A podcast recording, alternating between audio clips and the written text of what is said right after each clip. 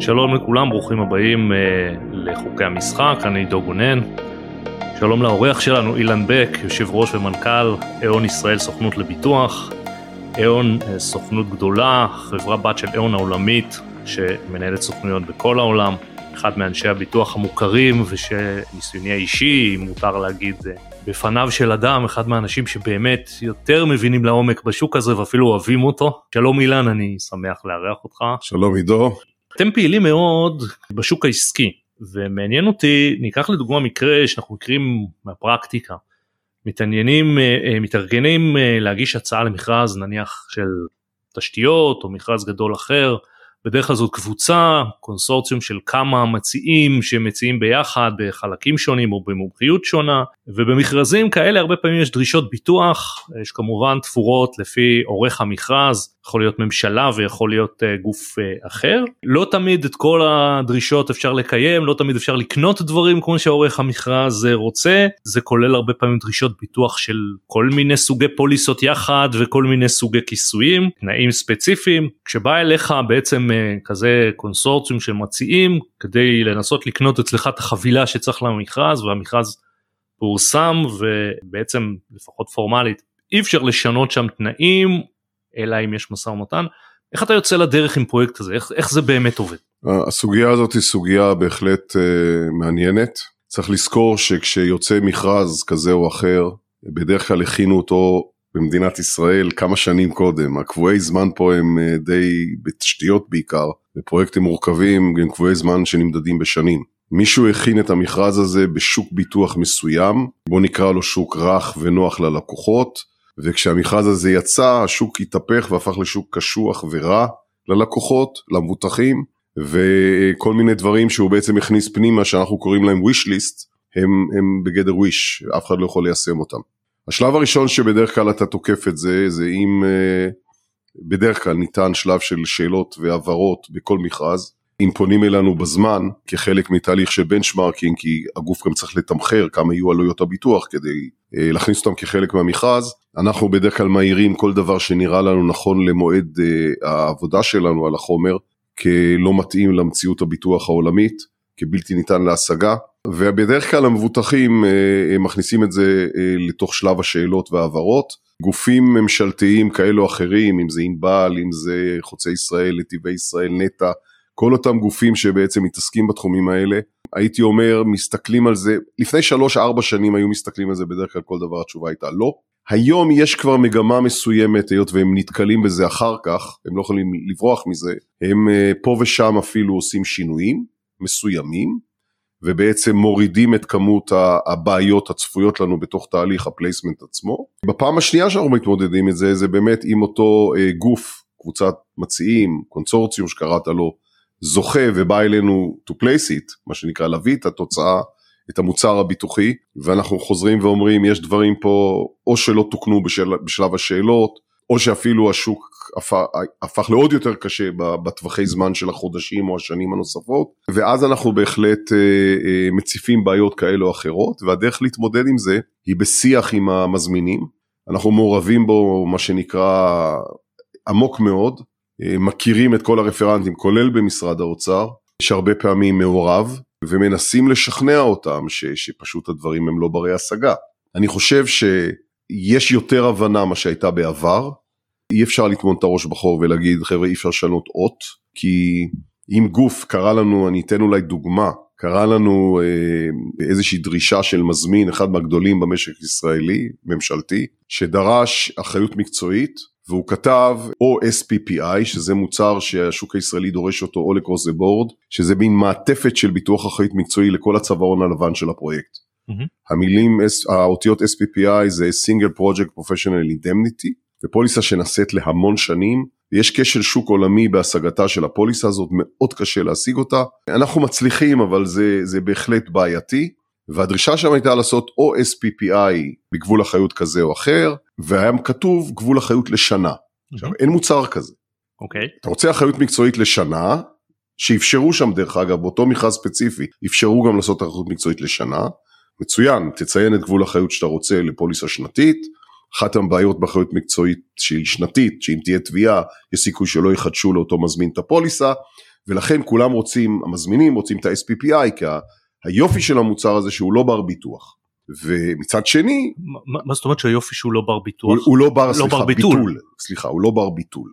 ומצד שני גבול החיות הוא לכל התקופה. אתה רוצה, תדרוש יותר, כנראה לא תשיג. זאת אומרת אם הייתה תביעה זה, זה אוכל לך מגבול האחריות אוכל... של כל התקופה. נכון, לא סביר שבפרויקט תהיה יותר מתביעה אחת רצינית ולכן די, די מעדיפים את המוצר הזה. מקסימום כשמדברים על פוליסת אחריות מקצועית שנתית נניח יגידו אנחנו רוצים 10 מיליון דולר, כשמדברים על SPPI יגיד אנחנו רוצים 20 מיליון דולר. אבל גבול האחריות הוא לפוליסה לתקופה. אין מוצר בעולם בשום מקום, לא היה גם בעבר, זה לא שזה שוק קשה או שוק רך, לא היה. שזה SPPI עם גבול אחריות לשנה. זה לא קיים. ואיזה התעקשות היה שם, הייתה שם לאותו לקוח שעשה SPPI כדת וכדין, סיפקנו ניירות ממבטחים ברמות של סוויסרי וכאלה, שכותבים ב, ב, ב, בצורה שאינה משתמעת לשתי פנים, ש-SPPI, גבול אחריות, הוא לתקופה, הוא לא קיים לשנה. וזה לא, לא סיפק את המזמין עד שלא הגעתי אה, לפגישה אישית אצל המזמין עם המבוטח ועם יועצי הביטוח היו איזה עשרה איש בחדר באותות ומופתים ושכנעתי אותם. הסיפור הזה בגלל שהם לא רצו לשנות אות במכרז הם, אה, אה, הם לא הסכימו לוותר. בסוף הם באו ויתרו כי הם בסוף הבינו לא קיים. אז הנוקשות הזאת ש, שהייתה מאוד אופיינית במדינת ישראל אני חושב קצת השתנתה בגלל שביטוח במיוחד עבודות קבלניות במיוחד לתשתיות ובמיוחד במדינת ישראל הוא מוצר מאוד מאוד מורכב, השוק מאוד מאוד בעייתי וכולם מבינים את זה ולכן אנחנו מגלים קצת יותר אמפתיה כבר בשלב השאלות ואם נתקעים בשלב השני גם שם קצת יותר היגיון, קצת יותר אה, שיח שהוא שיח אמיתי ולא שיח של זה מה כתוב, זה מה תעשו. אוקיי, אמרת פה משהו מעניין ונכון שהמכרזים הגדולים באמת אה, לוקחים שנים. עכשיו, בתהליך שאתה מתאר כשבאה אליך קבוצה ואחרי כל המשא ומתן עם המזמין מגיעים למשהו שאפשר באמת לתת ולקנות, הרי לפני שמוגשת ההצעה אני מניח אתה דואג לגבות את הלקוח המגיש ההצעה בחבילה מסוימת שהוא יודע שאם הוא ישלם את המחיר הוא יכול לקבל אותה והרבה פעמים גם הזמן עד שמוכרז הזוכה הוא ארוך מאוד. האם יש פה התחייבות משפטית של המבטחים שהסכימו לתת שגם אם הזכייה תהיה נאמר סתם בעוד uh, חצי שנה או שנה במחיר כזה או אחר הם מוכנים לתת את החבילה או שיכול להיות פה מצב שבו כשהמציע הזה זוכה במכרז כבר אין מי שייתן לו את החבילה הזאת כי השוק השתנה.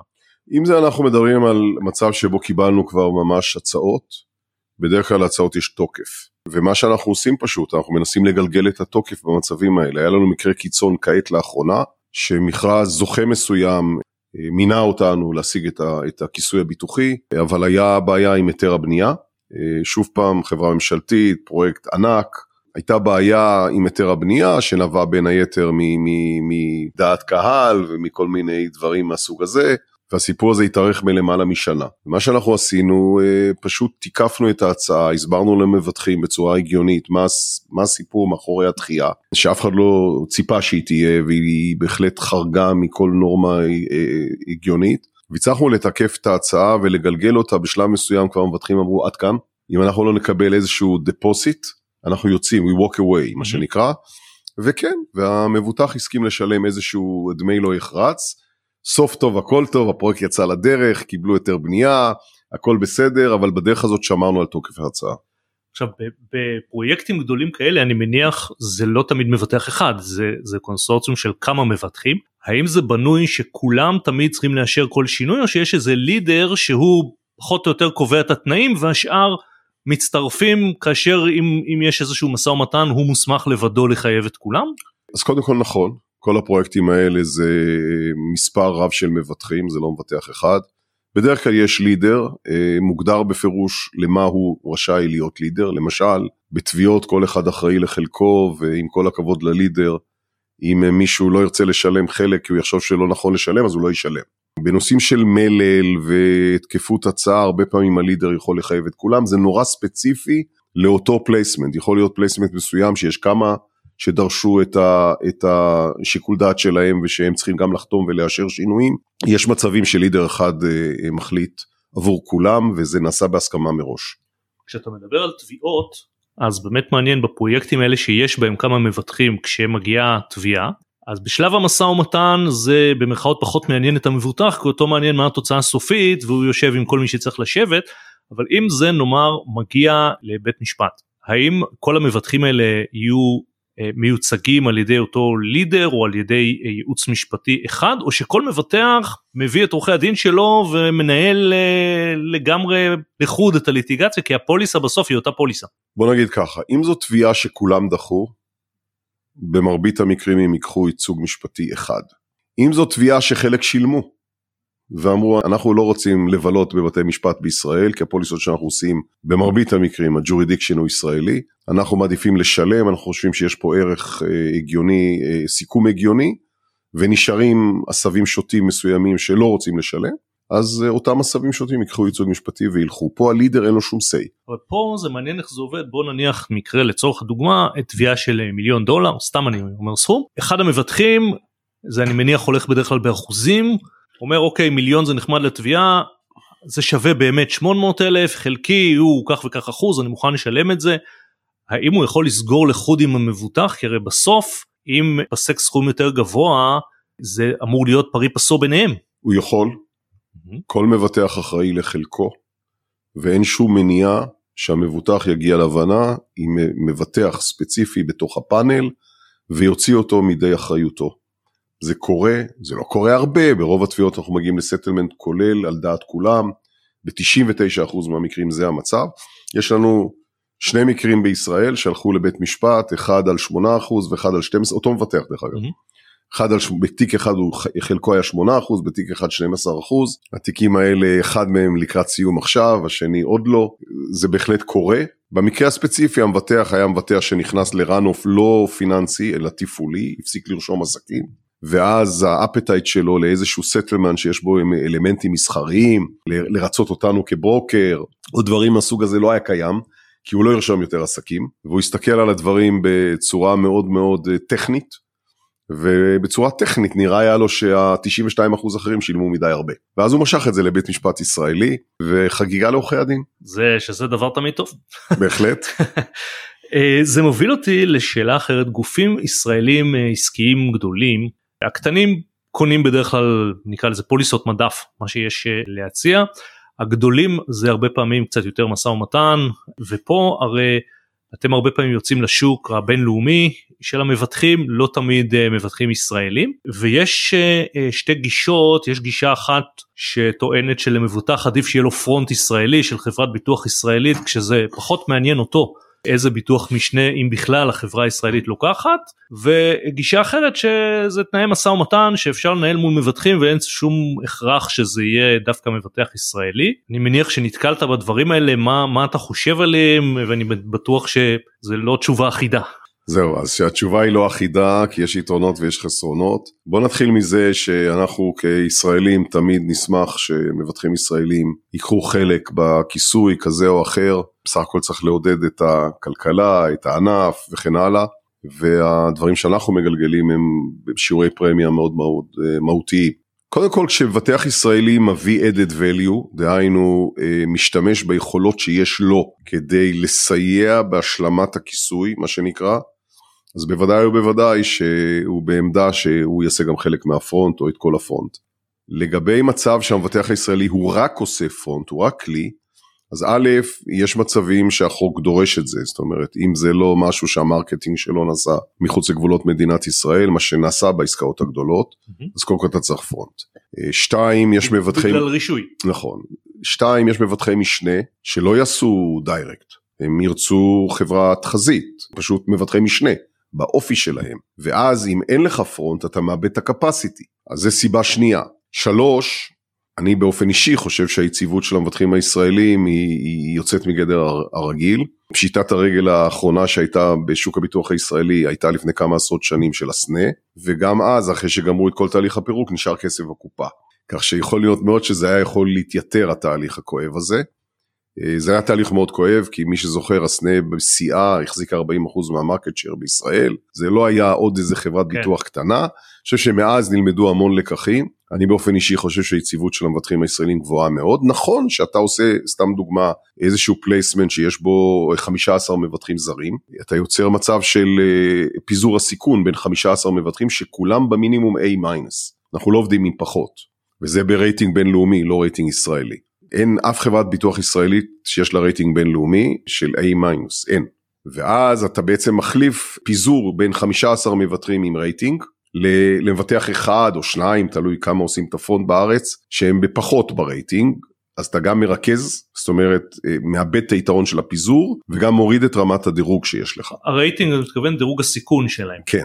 סיכון שלהם לפשיטת רגל וכו'. נכון. עכשיו, נכון שכשאנחנו עושים פרונט אנחנו הרבה פעמים מכניסים סעיף שהוא נקרא cut through clause שלכאורה אני אומר בדגש לכאורה אם יקרה איזשהו default פיננסי אצל מבטח החזית מבטח הפרונט הישראלי המבוטח יוכל לגשת ישירות למבטחי המשנה זה לא עמד במבחן משפטי אי פעם זה מה שנקרא טעון בדיקה. אתה מדבר על מקרה של ביטוח משנה ישיר לפוליסה מסוימת. פוליסה מסוימת, בוא נניח שיש לי פאנל של 15 מבטחים, סוויס, מיוניק, אקסה, whatever, צ'אב, כולם שמה, כולם A, אולי אפילו צפונה, לא, ועשיתי שואל... פרונט בחברה, את לא יודע, אחת מחברות הביטוח הישראליות בלי לנקוב בשמה, והיא פשטה רגל. ברור. אני שואל כי אם הביטוח משנה הזה הוא יותר כללי, זה באמת תהיה התחייבות שהמפרק של אותה חברת ביטוח ימשוך אותה ולא בטוח שהיא תגיע למבוטח הספציפי הזה. אני לא מדבר כרגע על הטריטיז של מבטחי... זאת אומרת על ביטוח משנה ספציפי. פקולטטיבי, מה שנקרא פקולטטיבי כן. ספציפי זה אותו דבר. לסיכון מסוים, למבוטח מסוים, זה לא עמד במבחן משפטי, איך יסתכל על זה בית משפט ישראלי במצב של פירוק, מבחינת קדימות נושים וכן הלאה. אנחנו מכניסים את זה אם, אם נדרש, אם מתבקש, שזה אומר, שאני אומר שאנחנו מכניסים את זה, זה אומר שמבטחי המשנה מסכימים לזה. צריך ברור, להדגיש, ברור. כי זה חלק מהפוליסה. ברור. אבל שוב אני אומר, זה אף פעם לא עמד במבחן משפטי. אני עדיין אומר, למרות כל האמור לעיל, אני באופן אישי אה, חסיד של אה, פונט ישראלי, מהרבה מאוד טעמים, ואחד הטעמים הוא שאני בפירוש חושב שהמבטחים הישראלים עוזרים בהרבה מאוד מקרים, ב capacity שהם יכולים להביא, אה, על, על החוזה השנתי שיש להם, מה שנקרא ה treaties שלהם. שוב אני אומר, אם זה רק לקחת כמה אחוזים ולתת פרונט, זה נורא ש, שאלה של המבוטח. תראה, גופים ממשלתיים עובדים רק עם מבטחים ישראלים. אז אה, אה, למה גוף ממשלתי שעושה פרויקט גדול או מבטח נכסים, בתי חולים, תשתיות לאומיות וכן הלאה, הוא מתעקש על כך שיהיה מבטח ישראלי וזה טוב לו, ולמה ל, ליזם פרטי אולי זה לא טוב. זה, אני חושב שבסך הכל יש יותר אה, יתרונות מאשר חסרונות בחיבור הזה עם מבטחים ישראלים ב long run ומרבית ה placement שלנו יש בהם פרונט ישראלי. איך אתה מתייחס לשאלה הזאת כשמדובר במבוטחים שהם חברות בעצם רב לאומיות שאולי המרכז הוא ישראל או ההנהלה היא בישראל אבל הפעילות היא בכל העולם ולשמחתנו יש כבר לא מעט כאלה שגם הסיכונים שלהם הם גם בחו"ל וגם uh, בעצם כל הפעילות שלהם היא, היא, היא עולמית.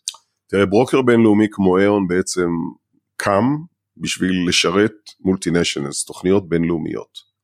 הסיבה שבונים בעולם תוכניות בינלאומיות זה בעצם ליצור מצב שאם מייקרוסופט uh, או whatever, חברה בסדר גודל הזה, עושה, איזושהי, עושה איזשהו ביטוח באיזה מדינת קצה, נניח בפרו, שלא יהיה מחר איזושהי קטסטרופה שתחשוף את הדוח רווח והפסד שלה באופן שהיא לא צפתה אותו. ה multinationals program בעצם מה שהם עושים הם נותנים הגנה על המאזן של החברה הרב-לאומית באופן כזה שישנה מטריה שיושבת מעל כל ה local papers בכל מיני מדינות בעולם והיא בעצם עובדת בשיטת DIC-DIL, Difference in Condition, Difference in Limits, היא גם נותנת הגנה של יותר גבולות אחריות והיא גם אם יש כשל באיזשהו ביטוח ספציפי שנעשה באיזושהי מדינת קצה אז הפוליסה הזאת מה שנקרא drops down ולוקחת את הסיכון בהנחה שאותו master, אותה מטריה, כוללת את האירוע ומכסה את האירוע. עכשיו, השיטה שזה נעשה ו Aon, אה, אנחנו עושים אה, מאות תוכניות רב-לאומיות, זה אחת המטרות העיקריות ב network ש Aon בנתה, ויש עוד ברוקר אחד בעולם בסך הכל שבנה network בכזה היקף, יש לנו משרדים ב-120 מדינות, הסיבה לכך היא באמת לשרת multinationals, והשיטה שנעשה מבחינת ה fronting, אני חוזר לשאלה שלך, שנעשית allocation של הפרמיה לפי הידע שיש אצל הברוקר, וה allocation הזאת מחולקת בין המדינות, וכל מדינה, לפי הרגולציה המקומית, אנחנו מטפלים ב local paper. אם אותה מדינה צריך נייר מקומי, אנחנו עושים נייר מקומי, בדרך כלל המבטחים שעושים multinationals הם כאלה שהם מכסים יכולת לכסות גם כן 100 מדינות פלוס, או בחברות שיש להם registered באותן מדינות, ישראל לא אחת מהם, בישראל מבטחים בינלאומיים לא פועלים למעט AIG, אבל סתם דוגמה, אם ניקח את AIG, הם פעילים בעשרות מדינות בעולם, בצורה שיש להם entity רשום באותן מדינות, והם יכולים להוציא גם את ה-local paper, ואם לא, אז לאותו מבטח שעושה את ה umbrella ועושה את כל ה-structure הזה של ה multinational,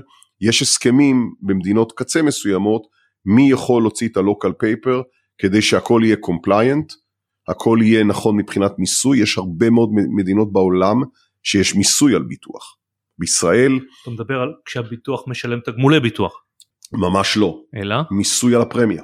אה. אוקיי. גם במדינת ישראל, מי שזוכר, היה מס בולים, אה, לפני זה היו מיסים אחרים, אני מדבר איתך על, אני מדבר איתך על עשרות שנים אחורה, זה בוטל, לפחות בעניין הזה קל לנו במדינה. גרמניה יש מדינות מערביות, יש מיסוי, אפילו לא קטן, יש עוד מדינות מערביות שיש בהן מיסוי. אפריקה, מיסוי חוגג בכלל. ולכן כשאתה בונה מולטינשיונל אתה צריך גם שיהיה לך local papers ותהיה fully compliant, גם מבחינת מיסוי שהלוקציה תהיה נכונה ומדויקת, כי על האלוקציה בכל מדינה אתה משלם את המס של אותה מדינה. זה structure מאוד מורכב, אבל בסוף בכל מדינה ומדינה באותו מולטינשיונל, אם זה IBM, מייקרוסופט, יוניליבר, whatever, פיליפס, בכל מדינה כזאת בסוף הניירת שתהיה תהיה fully compliant. לחוק צריך... באותה מדינה. בהחלט. עכשיו שאלה בוא בוא ניקח דוגמה שנתת נאמר שאנחנו ניקח את ישראל כדוגמה כי פה כמו שאתה אומר אה, חוץ מ-G אין בינלאומיים בוא נניח שיש לך איזושהי פוליסת מטריה כזאת שהיא לא של G ואת החיתום המקומי נותנת חברת ביטוח ישראלית ומשום מה פוליסת המטריה צריכה להיכנס פה האם כלפי המבוטח זה יהיה עדיין לפי החוק שלו החוק הישראלי המבוטח אה, יושפע מהעניין הזה שברגע שהמטריה נכנסת זה כבר חוקים אחרים ו... אז אני, אני אסביר. קודם כל, לכל המבטחים הבינלאומיים שעושים את התוכניות הבינלאומיות, יש הסכמי שיתוף פעולה בישראל עם מבטחים, שמייצגים אותם לעניין הפקת הלוקל פייפר. הלוקל פייפר בדרך כלל יהיה לפי שיפוט ישראלי, והמטריה תהיה בהתאם לאיפה שהיא נמצאת. אם היא נמצאת בלונדון, בדרך כלל זה יהיה בית משפט בריטי, אם היא נמצאת בארצות הברית, אז זה יהיה ארצות הברית. אה, יש גם מקרים שהשיפוט של המטריה הוא בישראל, נורא תלוי מה מרכז הכובד של הפעילות של אותו, אותה חברה בינלאומית. אם uh, בישראל יש להם סך הכל מטה של ארבעה אנשים ויש להם uh, מפעלים יצרניים ב-32 מדינות, אז מרכז הכובד הישראלי הוא קצת יותר חלש. אם בישראל רוב הייצור ורוב הידע, אם זה בטכנולוגיה, אז זה סיפור אחר. הדברים האלה הם נגושבל, אבל בהחלט יש מצב שבו ה-local papers יהיו פה בישראל והמטריה תהיה, jurisdiction שלה יהיה, לעניין הפרשנות של הפוליסה, תהיה ב-UK למשל. בוא נלך מכאן לסוג אחר או להתמקדות יותר בפוליסה למשל של אחריות מקצועית שהיא קיימת בהמון אה, אה, מקצועות אה, מבחינה משפטית כמובן מאוד בגדול זה במקרה של בעיקר רשלנות שבעל המקצוע פעל לא כמו בעל מקצוע סביר וגרם לנזק והביטוח מכסה אותו כפוף לחריגים כאלה ואחרים. יש את הפוליסות המוכרות יותר של מקצועות נקרא להם מוסדרים כמו עורכי דין רואי חשבון רופאים מקצועות שמוסדרים בחוק וטעונים רישוי. איך עולם הביטוח מתמודד עם מקצועות שהם אולי יותר גמישים כמו יועצים, מעריכי שווי, אה, מעצבים נאמר שהם לא אדריכלים ומקצועות חדשים כי יש כל הזמן התפתחות האם אפשר האם יש פוליסות מותאמות לדברים האלה ואיך זה בעצם עובד. תראה בעיקרון הקו קו התפר עובר ב, בנושא הכשרה והסמכה אז כשזה עורך דין זה קל כי יש הכשרה והסמכה ומוגדרת וחוק מוגדר גם כשזה סוכן ביטוח זה קל, גם כשזה רואה חשבון זה קל, ואדריכל וכן הלאה. יש מקצועות שהם או בורדרליין או שאין להם הסמכה, ועדיין זה מקצוע, או עיסוק כמו שאמרת. וההתייחסות היא לא, היא לא מוסדרת, זה, זה לגופו של עניין, ככל שהברוקר אה, לוחץ יותר, אה, הוא עשוי לקבל פתרון. השאלה תמיד שנשאלת, אוקיי, מה זה הדבר הזה? מה זה המקצוע הזה? מה, לא, לא שמענו על זה, אנחנו פעם ראשונה נתקלים בזה, ואתה צריך להסביר ש, שמה לעשות, אין, אין חוק, אין הסדרה לעניין, אבל עדיין יש 1,500 איש במדינת ישראל שעוסקים בדבר ההזוי הזה. ושוב אני אומר, זה לא, אין, אין לזה הסדרה, אבל עדיין אנחנו מוצאים פתרונות, גם במצבים שאין הכשרה, אין אה, הסמכה מוגדרת בחוק, אנחנו הרבה פעמים נותנים מענה לאחריות מקצועית. עכשיו, אם המבטח קיבל את אותו בן אדם לביטוח אחריות מקצועית, אז זה כבר בדיוק אותו דבר כמו עורך דין. ברור, אבל השאלה בה, נאמר אני לוקח אה, סתם אה, מעצב אתרי אינטרנט, אני סתם לוקח איזושהי דוגמה שאני אפילו לא יודע עד כמה זה רלוונטי, אחד כזה שירצה לקנות ביטוח והמבטח יסכים לבטח אותו, בעצם האם השם העיסוק הזה יופיע בפוליסה? כי הרי אם, אם יום אחד יצטרכו להחליט אם אותו אחד יתרשל או פעל כמעצב סביר וכולי, האם על הדבר הזה הוא יבוטח או שזה בעצם הולך על מלל טיפה שונה, טיפה יותר לא. כללי? המלל יהיה אותו מלל, מה שחשוב זה טופס ההצעה שהוא חלק בעצם מהפוליסה, שבה אה, יש שאלות על העיסוק, וככל שאותו בן אדם, וזה גם מה שאנחנו ננחה אותו, יפרט יותר את העיסוק, הכיסוי שלו יהיה יותר רחב. כי אם הוא יכתוב אה, מעצב אתרי אינטרנט, שלוש, שלוש, שלוש מילים, אולי זה יהיה לא מספיק, אבל אם הוא יכתוב מה זה אומר ומה הוא עושה, וינצל את העובדה שבטופס יש מקום לכתוב, וגם אפשר לצרף דף אם רוצים, אה, לפרט ככל הניתן את ה, באמת את מה שהוא עושה, אז הפוליסה תיתן מענה לכל uh, התרשלות שלו בעבודתו בעצם. וככל שעבודתו תהיה מוגדרת הכי טוב בעולם, אז זה יהיה, אז יכסה את האירוע. עכשיו פוליסות כאלה של אחריות זה לא משנה אם זה אחריות מקצועית אחריות אה, דירקטורים מנהלים הם בעצם בנויות כ-claims made זאת אומרת הן מכסות תביעה שהוגשה בתקופת הפוליסה לא משנה מתי האירוע היה יש אולי כמובן אה, מגבלה כמה אחורה אבל בגדול האירוע הוא לא צריך להיות בתקופת הפוליסה אלא התביעה. עכשיו זה יוצר מספר מצבים שלפחות מבחינה משפטית הם אה, מעניינים ופה למשל יש תמיד בפוליסות האלה אם מגיעה תביעה זה לא שאלה צריך להודיע עליה וברגע שהודעת ובאמת יש תביעה אז היא תכוסה גם אם הפוליסה תיגמר. לפעמים יש את הדברים שאנחנו קוראים להם הודעת נסיבות יש נסיבות ש... או איימו על אה, בעל הפוליסה או הוא מבין שהיה פה משהו לא בסדר והוא רוצה להודיע כדי שזה ייתפס לו בפוליסה ואם תבוא תביעה בעוד שנה לא יוכלו להגיד לו שזה כבר אה, לא בחיי הפוליסה.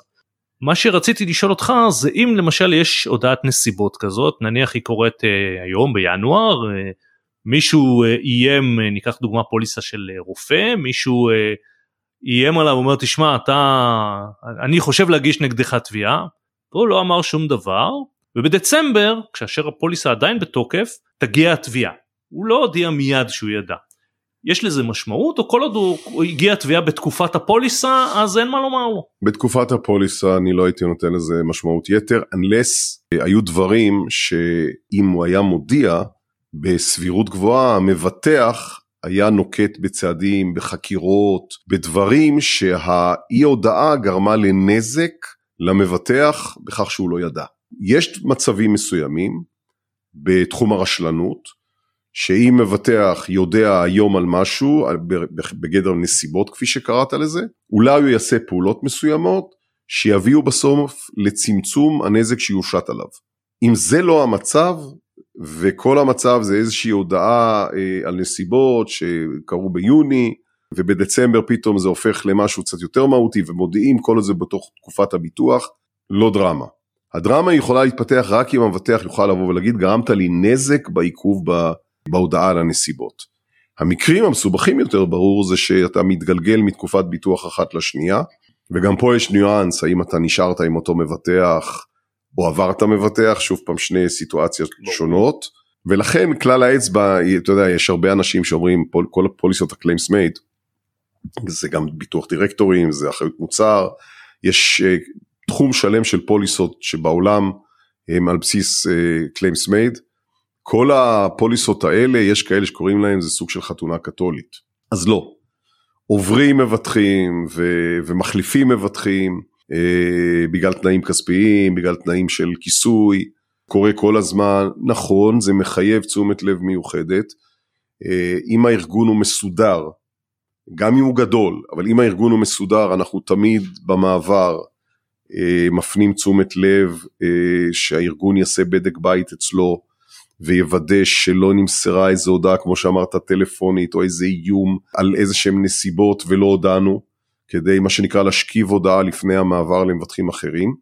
כשאתה לא עובר מבטחים זה קצת פחות רגיש אבל זה עדיין רגיש, זה מאוד לא בריא למצוא את עצמך אחרי ארבע שנים עם תביעה גם אם אתה כל השנים עם אותו מבטח, כשמדובר על נסיבות שהיית צריך להשכיב אותם לפני ארבע שנים. ברור, הוא יכול לטעון שלא נתת לו גילוי מלא ולכן הוא לא תמחר נכון, לא או, לא, נכון. או לא היה מסכים לבטח אותך אילו ידע. כן, אבל ההלכות המשפטיות בישראל די מגינות על המבוטחים ויהיה לו קשה מה שנקרא to walk away from the claim, אולי הוא יוכל אה, אה, לגרום לכך שגם המבוטח יכניס את היד לכיס באיזושהי השתתפות, בפשרה כזו או אחרת, אבל א', כן, אני תמיד אומר למבוטחים, תהיו קונסרבטיב, קונסרבטיביים, אל תקלו ראש בהודעה, גם אם היא נראית לכם לגמרי, לגמרי חסרת סיכון מהותי, עדיף להשכיב אותה בפוליסה ולהסביר למבט, למבטח שזה חס, חסר סיכון משמעותי, כדי שלא יתמחר את זה בפרמיה של החידוש.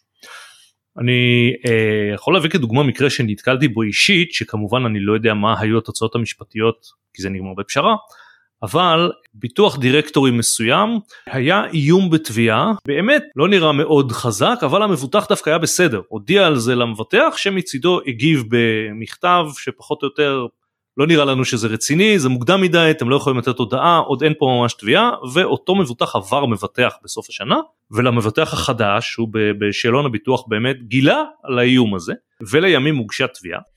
כאשר המבטח החדש אמר נתת לי גילוי זה לא כלול. זה אצל הישן אני ברור שמה שנתת לי גילוי זה לא כלול. הישן אמר זה לא נחשב גילוי. אז, אז המקרה הספציפי נגמר בפשרה אז הוא לא מעניין אבל מה דעתך על מקרה מהסוג הזה? אני בטוח שנתקלת. א' כן לא פעם אחת. מבטחים מנסים להדוף רשימות כביסה אנחנו קוראים להם laundry lists שניתנים במעת מעבר. אני מדבר על חברות גדולות שיש להם פעילויות גדולות.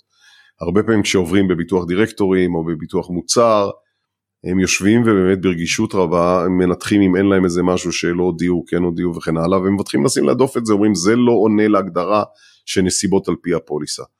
מה עונה להגדרה ומה לא עונה להגדרה זה שאלה שיכולה לפרנס בתי משפט. הסיטואציה שאתה מתאר נתקלנו בה אם אתה שואל אותי, אני לא יודע מה הייתה הפשרה בתיק הזה, אבל אותו מבטח שקיבל הודעה על נסיבות ואמר שזה לא נסיבות וכן הלאה, he seriously on the hook, זאת אומרת בכל פשרה שהיא הוא היה צריך לשלם את החלק העיקרי, אני לא יודע אם זה מה שהיה.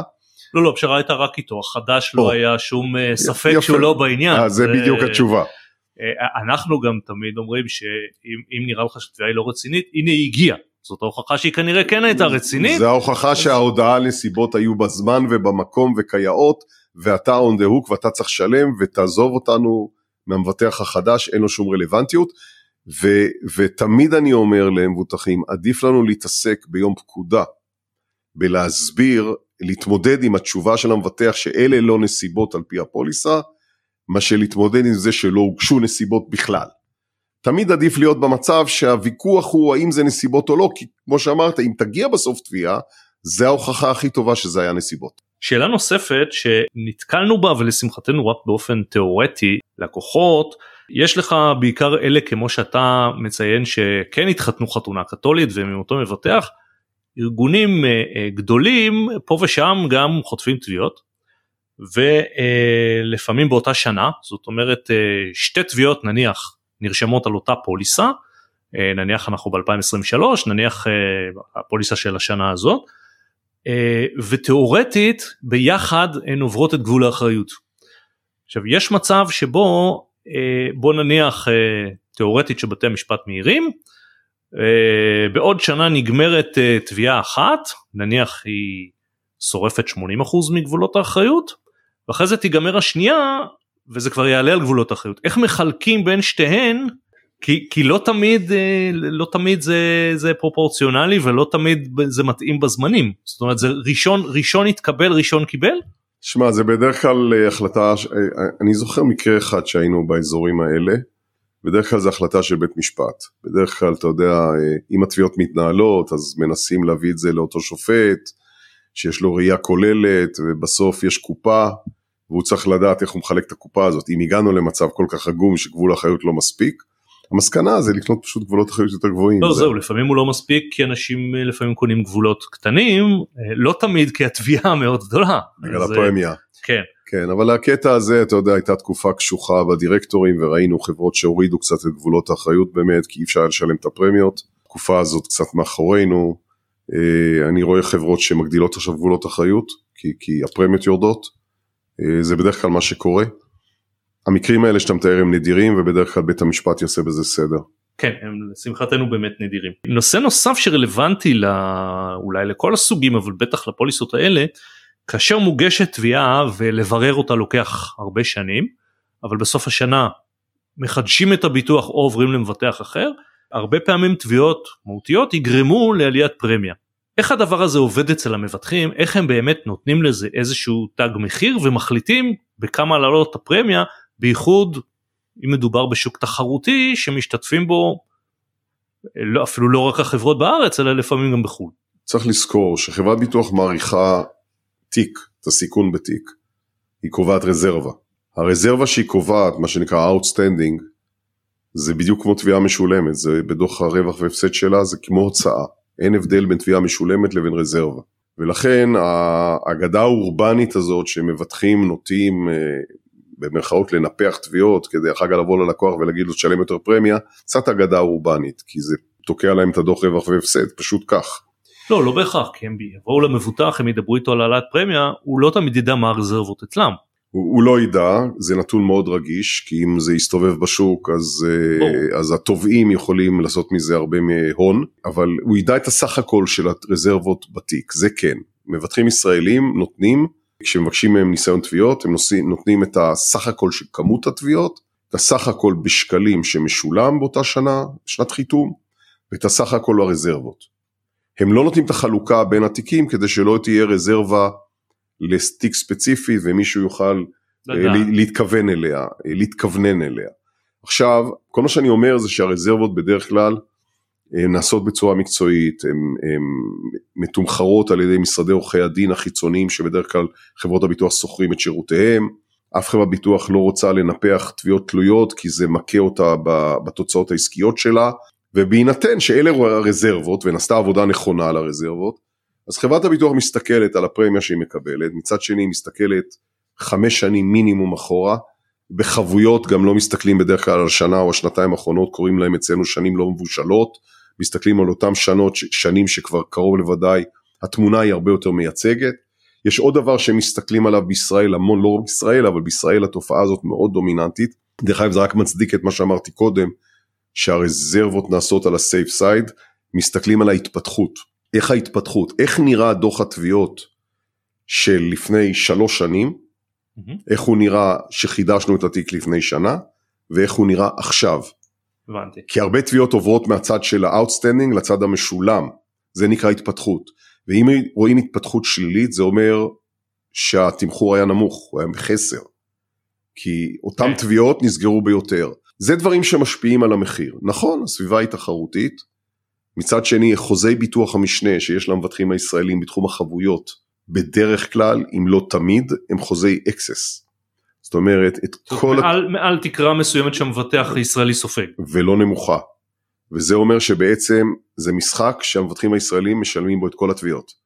למעט קטסטרופה כן בשביל זה הם קונים את ה excess. ובניגוד לרכוש, ברכוש בדרך כלל זה חוזי quota share, זאת אומרת אה, פרופורציונלי מה שנקרא. Mm-hmm. המבטח הישראלי לוקח אחוזים מסוימים מהסיכון, כל היתר בביטוח משנה. פעם היו אומרים, זה כבר לא המצב היום בארץ, אבל פעם היו אומרים אם נשרף מפעל 50 מיליון שקל זה פחות מה שנגנב מרצדס.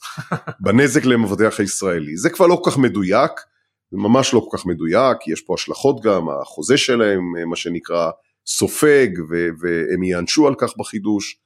אבל בסך הכל אני חושב שהנושא של החבויות, היום בכל חברות הביטוח בארץ אקטוארים מובילים אותו, הם אלה שעושים את האקטואריה של התביעות, מנתחים את התביעות ובעצם נותנים את ההמלצה לפרמיות לחידוש, זה לא נעשה על ידי חתם שרק השיקולים המסחריים לנגד עיניו ואומר בוא נעשה בערך ויהיה בסדר, ניתנת המלצה מאוד ברורה של האקטוארים, אחר כך אם רוצים לשנות אותה צריך לחזור לאקטוארים, מישהו בעל, בעל סמכות צריך לקבל החלטה. הסיפור של החבויות בגלל שהוא על ה-net retention של המבטחים הישראלים, הוא, ה, הוא ה, בוא נגיד הפינה הכי רגישה בתעשיית הביטוח. שאלה בעקבות הדברים שאמרת על התפקיד של אה, סוכני הביטוח. כמו שאמרת אתם מעורבים גם בפלייסמנטס של אה, חבילות ביטוח בעולם אם זה אה, ביטוחי אה, משנה לכיסוי מסוים ואם זה אה, חלוקה אחרת של הסיכון. ומעניין אותי גם קרתה כבר תביעה אה, בעיקר כמובן בפוליסות הגדולות. האם לסוכן יש באמת השפעה על איך הדבר הזה ייפתר או זה כבר משחק של המבטחים לפעמים של בתי משפט והסוכן פחות אה, יכול להשפיע על זה. השפעה עצומה. כאילו זה לא בחיי היום יום אנחנו מעורבים בכל התביעות בגדולות עוד יותר. אני מעסיק 12 עורכי דין במחלקת תביעות זה כנראה בגלל זה. אנחנו מפעילים leverage של איון העולמית בתביעות מסובכות אנחנו הבאנו לידי סיום שתי תביעות בשנה האחרונה בעשרות מיליוני דולרים ששתיהן נתקעו. הבאנו את כל המנופים של איון על אותם מבטחים בינלאומיים ואת כל ה-leverage של איון על מנת שהתביעות האלה תסתיימנה והבאנו אותם לפתרון מחוץ לכותלי בית המשפט. ואני מדבר על מצבים שבהם מבטחים רצו להציע בתביעה אחת סדר גודל של 40 אה, מיליון שקל והסתיימה מעל 100 מיליון שקל, דוגמאות מהסוג הזה. הברוקר מאוד מאוד מהותי בתהליך, החל ממינוי השמאי, ה monitoring של התהליכים, לראות שמה שנקרא הדברים אה, הולכים נכון ומבוטח לא עושה טעויות בהתנהלות שלו, ואחר כך הניסיון להגיע לפשרה אם וכאשר אנחנו במצב שאפשר כבר את התיק לסגור. וכאשר אנחנו מדברים על מבוטח ישראלי שהוא בעצם מבוטח אצל חברות אה, או חברה ישראלית הוא פחות מודע למה קורה עם ביטוח המשנה וקרה אירוע אני לא רוצה להגיד פשוט אבל פשוט מבחינה משפטית אולי כמו שריפה האם במקרה הזה יש אה, חשיבות לפעילות של, אה, של סוכן או ברוקר או, או שזה כבר באמת בטיפול מבטח ישראלי כי אין פה כמה גופים לשלב ביניהם? תראה גם המקרים האלה שמבטחים ישראלים הם בעצם דאגו לעצמם לסידורי ביטוח המשנה ואנחנו לא מעורבים בהם וזה קורה לא מעט וברור שבציבוריות הישראלית זה רוב המקרים, צווים אחרים הם החריגים, גם שם אנחנו מעורבים. אה, מנסים להביא לפשרה יותר גבוהה מול המבטח הישראלי. יש גם מקרים מסוימים שמבקשים את העזרה שלנו מול מבטחי המשנה שלהם. תמיד אנחנו מעורבים, שוב, זה יכול להיות תביעה שהיא הולכת סמוס, ולא צריך שום התערבות חיצונית, והשמאי סוגר מול המבוטחים את תשלום השרפה, והכל הולך אה, בצורה קלה. אנחנו לא מכניסים את הראש שלנו סתם פנימה, אבל אה, ברוב התביעות אנחנו מעורבים. בוא נדבר על סוג אחר של אה, פוליסות שרלוונטי כמובן בעיקר לעסקים ברכישות ומיזוגים פוליסת אה, מצגים. בעסקאות של מיזוגים ורכישות תמיד המוכר בעסקה הקלאסית המוכר נותן מצגים מסוימים לקונה שאם בסופו של דבר המצגים האלה לא נכונים ונגרם נזק או שבעצם החברה הנרכשת הייתה שווה הרבה פחות המוכר צריך לשפות את הקונה ובעצם להחזיר לו חלק מהמחיר ובמקרים קיצוניים אפילו יותר מזה. אה, יש פוליסה שבעצם מגנה ונכנסת בנעליו של אותו מוכר ונותנת כיסוי אם המצגים לא נכונים. מתי, באיזה עסקאות לדעתך נכון לרכוש פוליסות כאלה אם מבחינת אה, מורכבות או סכום והאם היום מבחינה מספרית נקרא לזה זה כבר נפוץ בשוק הישראלי כי אני כמובן נתקלתי בזה בעסקאות אבל עד לפני כמה שנים לפחות ברוב העסקאות זה לא היה. קודם כל זה מוצר שהוא יחסית לענף הביטוח שסופר את שנותיו מבית קפה לוידס בלונדון לפני 300 שנה אז המוצר הזה הוא צעיר. מה שנקרא סדר גודל של העשור האחרון הוא תופס תאוצה בכל העולם ברור שהאמריקאים אה, האיצו אותו יותר מאשר שאר העולם, היום גם באירופה וגם בישראל. אני לא יודע להגיד לך אם מרבית העסקאות, אבל חלק דומיננטי, מהותי מהעסקאות, אה, נעשה בו ביטוח מצגים. הביטוח הזה בעצם הוא, הוא כלי שמחליף השכבת כסף באסקו, אתה לא צריך אה, לשים חלק, וזה יתרון גדול מאוד למוכר, הוא לא צריך לחכות לכסף מסוים שנמצא בנאמנות. אבל מה שהרבה יותר מעניין במוצר הזה, שהוא מונע פוטנציאל של חיכוכים שבדרך כלל קורים, שכאשר מתברר שהמצגים היו לא נכונים, או אפילו הייתה מרמה, הביטוח מכסה גם מרמה במצגים. סיטואציות לא נעימות, בטח ובטח אם ההנהלה או האנשים שנתנו את המצגים עדיין נמצאים, עדיין נמצאים כי העסקה היא לא אקזיט מלא, שם בכלל אני לא רואה אפשרות בלי הדבר הזה. אבל גם במוצרים, במכירות שבהם באמת כל מוטת השליטה של הארגון הנמכר עוזבת ובאים אנשים חדשים, הפתרון הוא מאוד uh, סמוס, לא צריך לבית משפט, יש לך מוצר ביטוחי, אתה תובע את המוצר הביטוחי כמו בתביעת שריפה שדיברנו עליה. לא, אבל בדרך כלל תהיה התדיינות, האם באמת המצגים היו לא נכונים, מה היה הנזק, כמו בכל, זאת אומרת, זה לא כמו משנה. כמו בשריפה. יש התדיינות גם בשריפה. כן, כן, אבל פשוט המבטח יעמוד במקום המוכר, אבל התדיינות uh, תהיה. כן, אבל במצב, ש... במצב שאתה ללא ביטוח, ואתה צריך לש... לקחת כסף מה... מהאסקו, אני מניח שזה מהר מאוד מגיע לבית משפט. ופה יש לך מבטח עם שיקולים מסחריים, הוא עושה את הביטוחים. דרך אגב, אם תדבר עם מבטחים נאורים, הם יגידו לך, אנחנו עושים פוליסות בשביל לשלם תביעות. זה המקצוע שלנו, אנחנו לא עושים פוליסות בשביל לא לשלם תביעות. נכון שיש תפיסה שאומרת... לא, שמה... אבל, זה הביזנס שלהם, זה הביזנס כמה, שפחות תמורת פרמיה. זה נכון, ולא, זה, נכ... זה נכון ולא נכון, כי כדי לקדם את המוצר הזה, הם צריכים שיהיה להם מספיק סיפורים שבהם הם שילמו תביעות, ולא סיפורים שהם הגיעו לבתי משפט, צריך להבין את זה. והמוצר הזה היום זה מנוע צמיחה של מבטחים ושל ברוקרים בכל העולם. זה אחד התחומים שלא היו פה לפני איקס שנים, בניגוד למה שרמזתי על, על, על, על בית קפה לוידס, שהדברים לא השתנו מאז, דרך אגב, לא מקצה לקצה, פה זה משהו חדשני מאוד, שהוא, דרך אגב, יש היום גופים למשל, שהם עושים מכרזים, חברות גדולות, על מכירה, וכחלק מהמכרז הסלר, המוכר, מכניס ביטוח מצגים בפנים, ואז כשנבחר הקונה, הוא בעצם עושה פליפ בנושא של הביטוח מצגים, לוקח לאחריותו את ביטוח המצגים ורק גומר את התהליך מבחינת בדיקת הדיו דיליג'נס שהוא עשה וכל הדברים שקשורים בביטוח מצגים. איך זה נעשה כשבעצם לפני שמגיע קונה עוד לא יודעים מה המצגים? זה נעשה בסוג... כי בצוג... זה משא ומתן. זה סוג של MBI, Non-Binding Indication, אבל הוא כבר, כבר, והיינו מעורבים בכמה עסקאות כאלה, די הרבה נתונים ניתנו, המבטחים מבינים בדיוק על מה מדובר, מה שהם יצטרכו להשלים זה את הקטע שברגע שיהיה קונה, פשוט לגמור איתו את כל התהליך של לבדוק את הדיו דיליג'נס שהוא עשה, לגמור את נוסח הפוליסה הספציפי, לפעמים יש מצע כזה או אחר שמחריגים בגלל בעיה מסוימת, בדרך כלל מנסים שזה לא יקרה, ולגמור את הפוליסה. זה נעשה הרבה מאוד היום על ידי גופים שעושים, אתה יודע, אה, מכרזים גדולים על רכישות גדולות, מאוד מקובל. כל הסיפור הזה תופס תאוצה, כולם מבינים שמדובר פה בכלי שהוא בעצם פותר, פותר סיטואציות לא נעימות.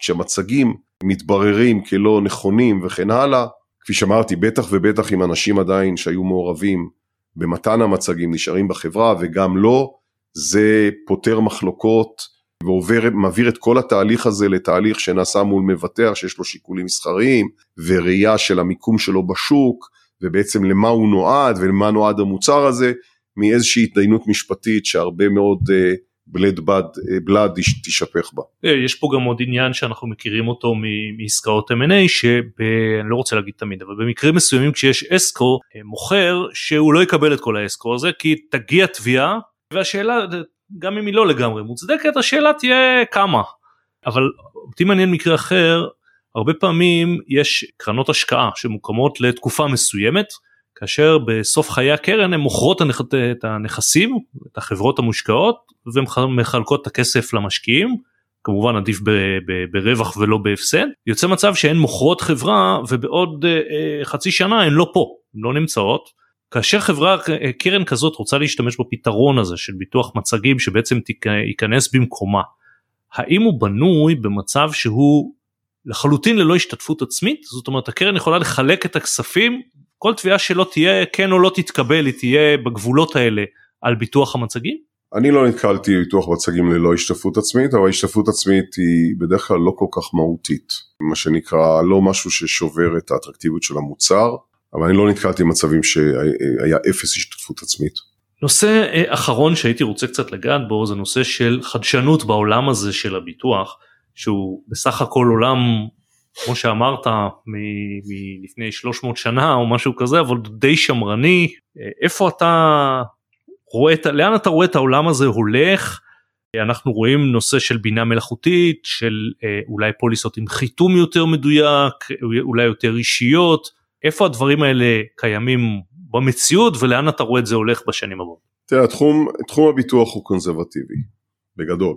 אה, זרקתי דוגמה שבעצם היא הבסיס של עולם הביטוח, עולם שלפני 300 שנה בבית קפה לונדוני, כל התעבורה העולמית הייתה תעבורה ימית, לא היו מטוסים, סוחרים ימיים נפגשו בבית קפה לויטס והתחילו לדבר על איזה משלוח שעובר מהמבורג על הריין למקום אחר, ואחד מהסוחרים אמר, אני הייתי שמח מאוד אם הייתה לי איזה הגנה למקרה שיקרה משהו, והסוחר האחר אמר, אני אתן לך 2% במחיר X, כך נולד המונח slip, ואז הסוחרים האחרים הוסיפו כמה אחוזים על אותו slip וחתמו כל אחד ליד האחוזים שלו. ועד היום הסליפ הזה קיים. ועד היום ה slip הזה קיים, אנחנו אפילו מכירים מצבים של חברות ביטוח ישראליות עד לפני כמה שנים, ממש, אני מדבר איתך על 5-6 שנים, שהיינו מביאים להם חתימה אלקטרונית, כי היום השוק בלונדון כבר עובד עם חתימות אלקטרוניות, אמרו לא, לא, לא, לא, אנחנו רוצים את ה slip עם החותמת. אז זה, זה בעצם הסמן של הקונסרבטיביות שמלווה את הענף. יחד עם זאת, אנחנו רואים הרבה מאוד חדשנות עשור האחרון,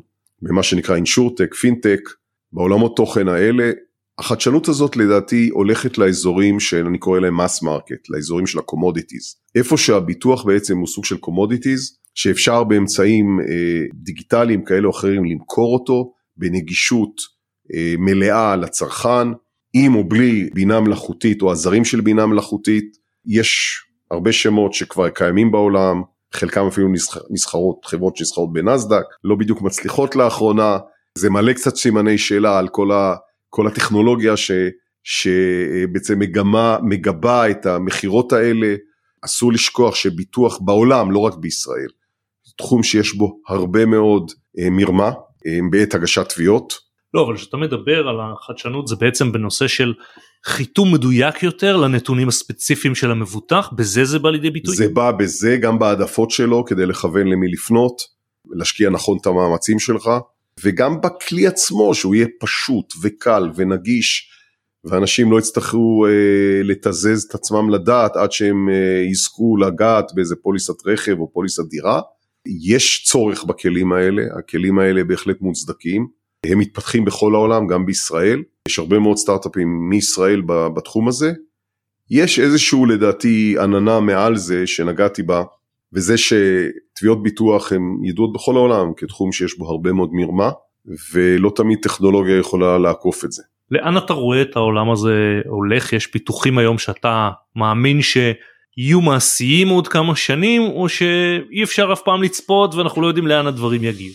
תראה, אני חושב שהרכבת הזאת שיצאה מזמן מהתחנה של אה, פלטפורמות דיגיטליות כאלה אחרות למכירת ביטוחים שהם commodities, שהם עדיין מהווים חלק גדול מהפרמיה העולמית, לא יעזור כלום, הרכב, הדירה, והתאונות אישיות וכל מיני דברים מהסוג הזה. יש גם פלטפורמות לבתי עסק קטנים ולאחריות מקצועית למקצועות קטנים ולא לפירמות גדולות. הדבר הזה ימשיך ויתפתח. ועל הרקע הזה, אמ, אני חושב שהדברים שיישארו מחוץ לדיגיטציה, לא לחלוטין דרך אגב, זה באמת אותם placement מורכבים, כל מה שקשור לתעשייה, לתחומים הכבדים יותר, לתשתיות, לחלל, לתעופה, יש תחומים שלא נראה לי שהם יהיו אה, דיגיטליים גם בעוד, בעוד 50 שנה. אילן, אני מאוד אה, מודה לך שבאת והתארחת, שמחתי לארח אותך. תודה רבה, יום טוב.